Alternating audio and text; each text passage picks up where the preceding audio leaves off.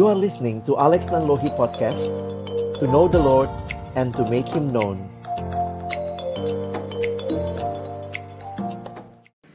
Yuk kita baca sama-sama Mazmur 145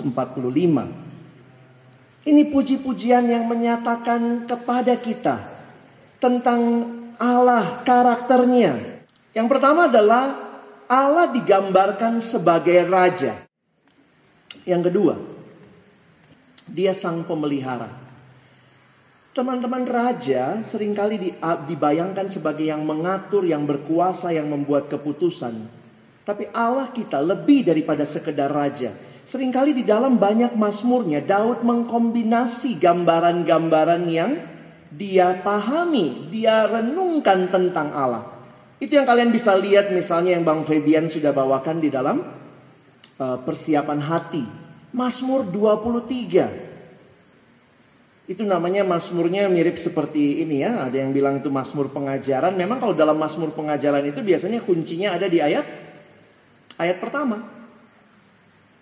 Tuhan adalah gembalaku, takkan kekurangan aku. Jadi nggak usah baca bawahnya pun sebenarnya udah tahu. Apa inti Mazmur itu? Tuhan adalah gembalaku, takkan kekurangan aku. Di bawahnya kan cuma penjelasan manisnya, bagaimana dia memelihara, dan itu dia pelihara luar biasa. Bagi saya Daud pasti sadar betul pemeliharaan Allah, ya. Kita baca ayat-ayatnya. Tuhan itu baik pada semua orang dan penuh rahmat terhadap segala yang dijadikannya. Wanita 14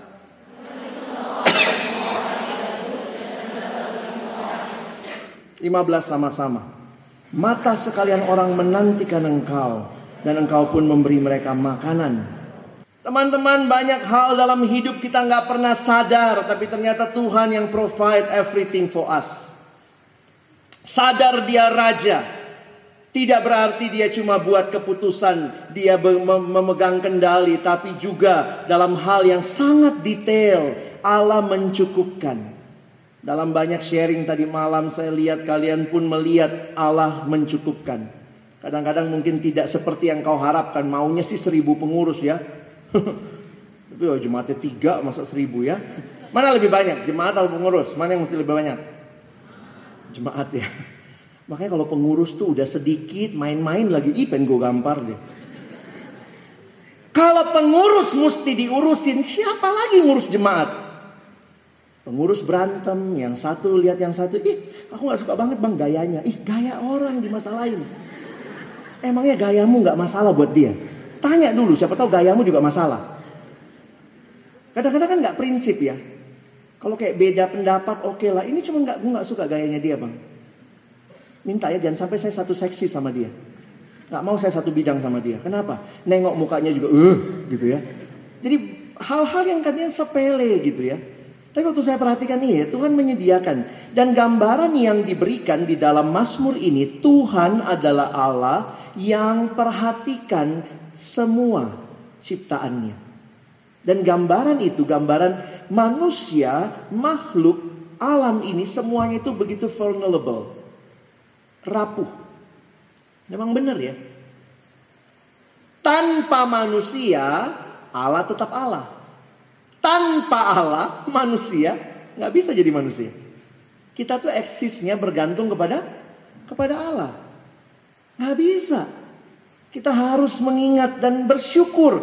Saya uh, warnai merah di situ. Tuhan itu penopang dan penegak. Teman-temanku dia hadir dalam pergumulanmu. Waktu engkau pulang, engkau tidak bawa janji-janji palsu, tidak. Dia hadir, dia memberikan kekuatan, dia menyertai kita, dia mau berjalan bersama kita, dia penolong kita. Tuhan adalah gembalaku, takkan kekurangan aku. Biarlah slogan-slogan ini bukan cuma manis didengar, tapi kamu alami. Itu yang kemarin Bang Niko ingatkan, niada. Kita sampai kaget waktu pertama kali belajar itu ya. Jadi waktu kejadian 4 ayat 1 itu kalimatnya apa? Maka diterjemahkan kan, maka Adam bersetubuh dengan Hawa istrinya. Kata bersetubuh dipakai kata yada. Kalau kita terjemahinnya bersetubuh atau pakai kata kenal. Jadi waktu kenal gitu ya, bahkan teman saya bercanda, ih serem ya dikenal orang Yahudi. dikenal orang Yahudi bisa hamil loh. Maksudnya karena yada itu ya. Yada itu men mencakup hubungan relasi yang sangat dalam antara pria dan wanita. Jadi kalau kita betul-betul mengalami kenal Tuhan, ya kenal yang yang benar-benar relasi teman-teman. Itu itu bedanya ya. Saya suka tanya begini, coba pilih dari dua kata ini mana yang kau suka? Dua kalimat, mana yang lebih enak buat kamu? Kalimat pertama, wanita terkaya di dunia adalah Ratu Elizabeth dari Inggris. Ini kalimat pertama. Kalimat kedua, wanita terkaya di dunia adalah Ratu Elizabeth dari Inggris dan dia memberikan semua kekayaannya kepada saya. Ayo, suka yang mana? Pertama atau kedua? Kedua, dasar matre. Kalimat pertama itu isinya cuma informasi. Kalimat kedua melibatkan re, relasi. Kau tahu Tuhan baik dan kau alami Tuhan baik itu dua hal yang berbeda. Tuhan baik itu informasi atau relasi? Harusnya sih relasi ya. Waktu saya datang ke anak SMA biasalah ya bikin kebaktian menjelang ujian nasional. Coba kalau kebaktian menjelang setiap kali ujian sekolah kebaktian gitu ya. Ini kalau ujian nasional dikumpulin kebaktiannya. Kayak nyogok Tuhan gitu ya. Dasar Kristen nih. Kebaktian ujian nasional itu saya tanya sama mereka. Oke adik-adik. Kalau kalian lulus ujian nasional. Tuhan baik. Baik. Kalau kalian gak lulus ujian nasional. Tuhan baik. Ya? Ya? Saya mau tanya. Tuhan jadi baik, jadi tidak baik tergantung pengalaman kita. Kalau saya ngalamin baik, oh Tuhan baik. Kalau saya nggak ngalamin baik, oh Tuhan nggak baik. Yang Tuhan siapa? Waktu engkau bisa berkata Tuhan baik dalam situasi hidup yang paling sulit. Seperti Raja Daud yang dikejar-kejar, dia tahu kepada siapa dia berseru. Dia mengalami kebaikan Tuhan walaupun kondisi tidak seperti yang dia mau. Beda saudara. Tahu bedanya, apa bedanya tahu sama tahu? Tahu sama tahu. Saya cerita ya, mudah-mudahan kalian dapat bedanya. Ini cerita tentang penjual tahu. Penjual tahu di Sumedang, satu waktu dia bilang ada satu orang mau pergi ke Jakarta merantau jual tahu. Dia bilang sama teman-temannya, saya mau ke Jakarta jualan tahu. Dan ternyata dia belum pernah ke Jakarta, saudara. Belum pernah ke Jakarta dari Sumedang, penghasil tahu di sana. Dia pikir, oh dia mau ke Jakarta ngadu nasib. Eh kemudian sampai di Jakarta, eh belum sampai di Jakarta, baru mau berangkat ke Jakarta, ketemu temennya yang udah empat tahun jualan tahu di Jakarta. Empat tahun jualan tahu temennya di Jakarta, terus temennya bilang, eh gimana mau ke ke mana? Mau ke Jakarta? Ngapain jualan tahu? Ih, gue udah empat tahun loh. Kamu tahu nggak sih? Kata temennya di Jakarta susah, susah loh jualan tahu. Dengan sombong dia ngomong, iya tahu. Akhirnya dengan dagu yang terangkat berangkat ke Jakarta. Wah, bulan pertama ternyata memang sulit jualan tahu di Jakarta. Hampir semua kompleks sudah ada asosiasi pedagang tahu. Bulan kedua mulai penghasilan menurun karena dia cuma dapat satu tempat kecil nggak jauh eh jauh dari perumahan di situ dia jualan bulan pertama masih bisa nutup bulan kedua modal makin tipis bulan ketiga mulai utang bulan keempat pulang kampung. Tadinya datang dengan dagu yang terangkat, sekarang pulang kampungnya nunduk. Eh ketemu lagi sama temennya yang 4 tahun, pas lagi pulang juga. Temennya bilang, eh udah pulang. iya, udah pulang. Terus temennya lalu rangkul dia, gimana? udah tahu nggak sekarang di Jakarta susah ya jualan tahu? Lalu dengan memelas dia jawab, iya sekarang udah tahu. Apa bedanya tahu sama tahu? Tahu yang pertama belum punya penga pengalaman. Tahu yang kedua sudah punya pengalaman. Saya tes ya. Adik-adikku, kamu tahu Tuhan itu baik? Jawab. Nah, you got my point. Oh, mungkin di retret ini sih kalian bakal jawabnya tahu, Bang. Oh Tuhan itu penopang, penegak, tapi begitu pulang Tuhan pengurusku masih dia lagi Tuhan. Gitu kali ya. Oh nggak ada yang berubah. Saya mau kita makin dalam seperti yang Bang Niko jelaskan kemarin ya. Yada. Makin kenal Tuhan, makin tahu siapa dia, makin tahu siapa dia, makin kenal diri kita juga. Makin sadar saya butuh bergantung kepada dia. Dia raja, dia pemelihara. Tuhan adalah gembalaku. Waktu engkau berkata Tuhan gembalaku, waktu saya pelajari tentang domba itu gitu ya. Bang Febian kemarin bawa domba, saya nggak sempat. Ini lihat aja langsung. Domba itu ternyata hewan yang kuat sekali berdiri. Dan juga kuat makan. Saya kalau bicara domba kayak berasa gitu loh. Kuat berdiri. Kalian duduk gue berdiri nih. Kuat makan. Putih-putih gemuk. Tuhan gue semua. Oh ternyata tuh domba itu ya hanya mau berbaring kalau cukup makan.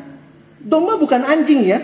Yang dikit-dikit langsung berbaring pasrah sempurna. Enggak. Domba itu hanya mau berbaring kalau cukup makan. Makanya kalau kita baca Mazmur 23. Tuhan adalah gembalaku takkan kekurangan aku.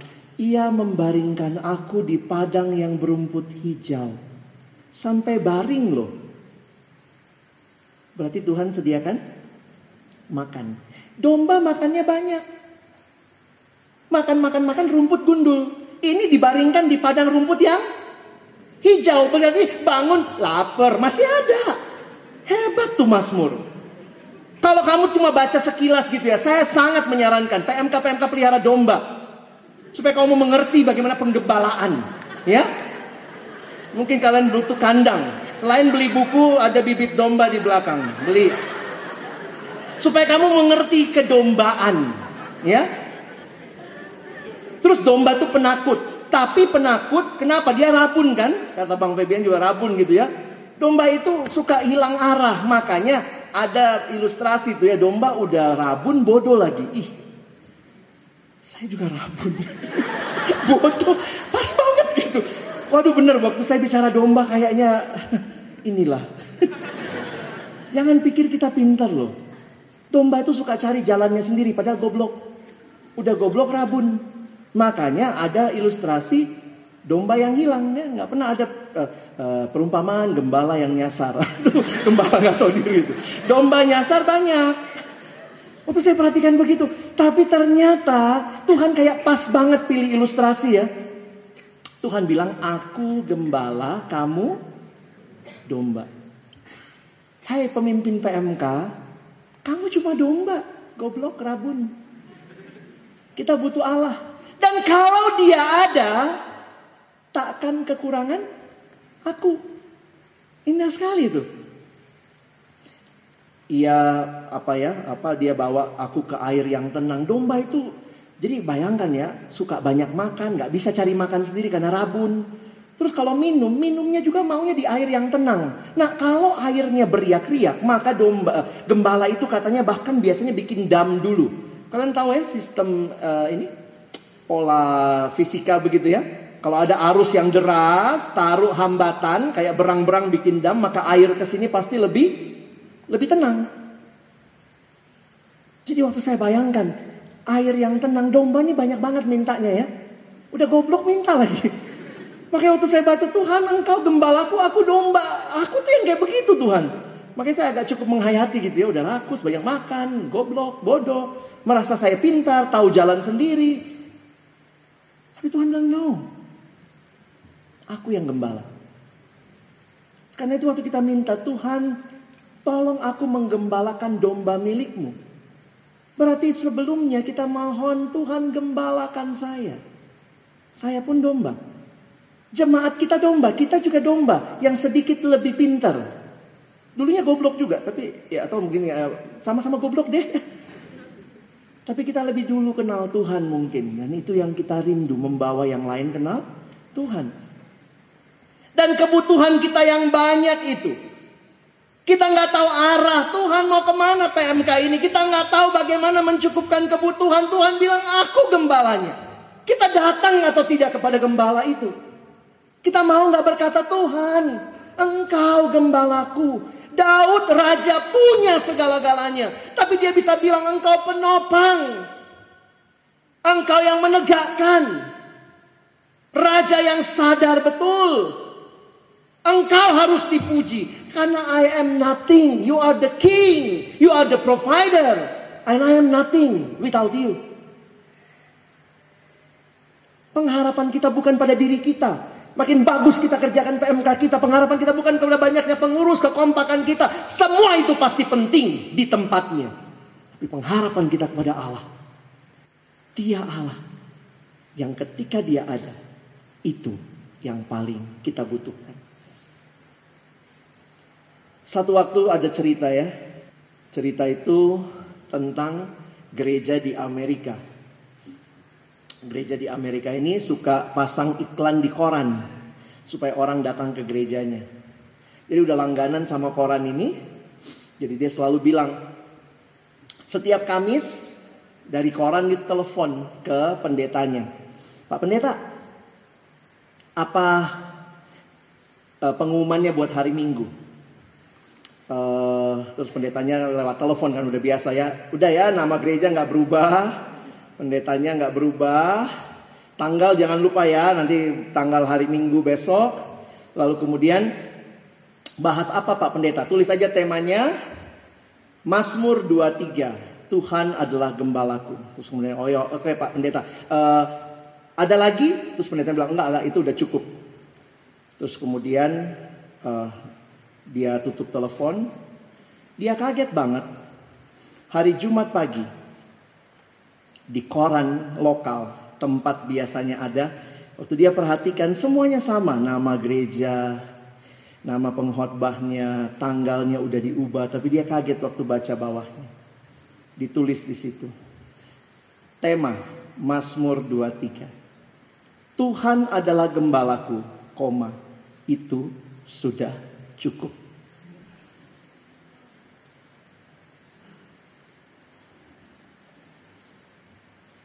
Waktu saya sadar ilustrasi ini benar. Tuhan adalah gembalaku. Itu sudah cukup. Ambil waktu hening sebentar. Hayati Allah dalam hidup kita. Ya Tuhan Raja kami. Gembala kami Tolong kami menyadari Tuhanlah segala-galanya. Tuhan adalah gembalaku. Itu sudah cukup. Amin.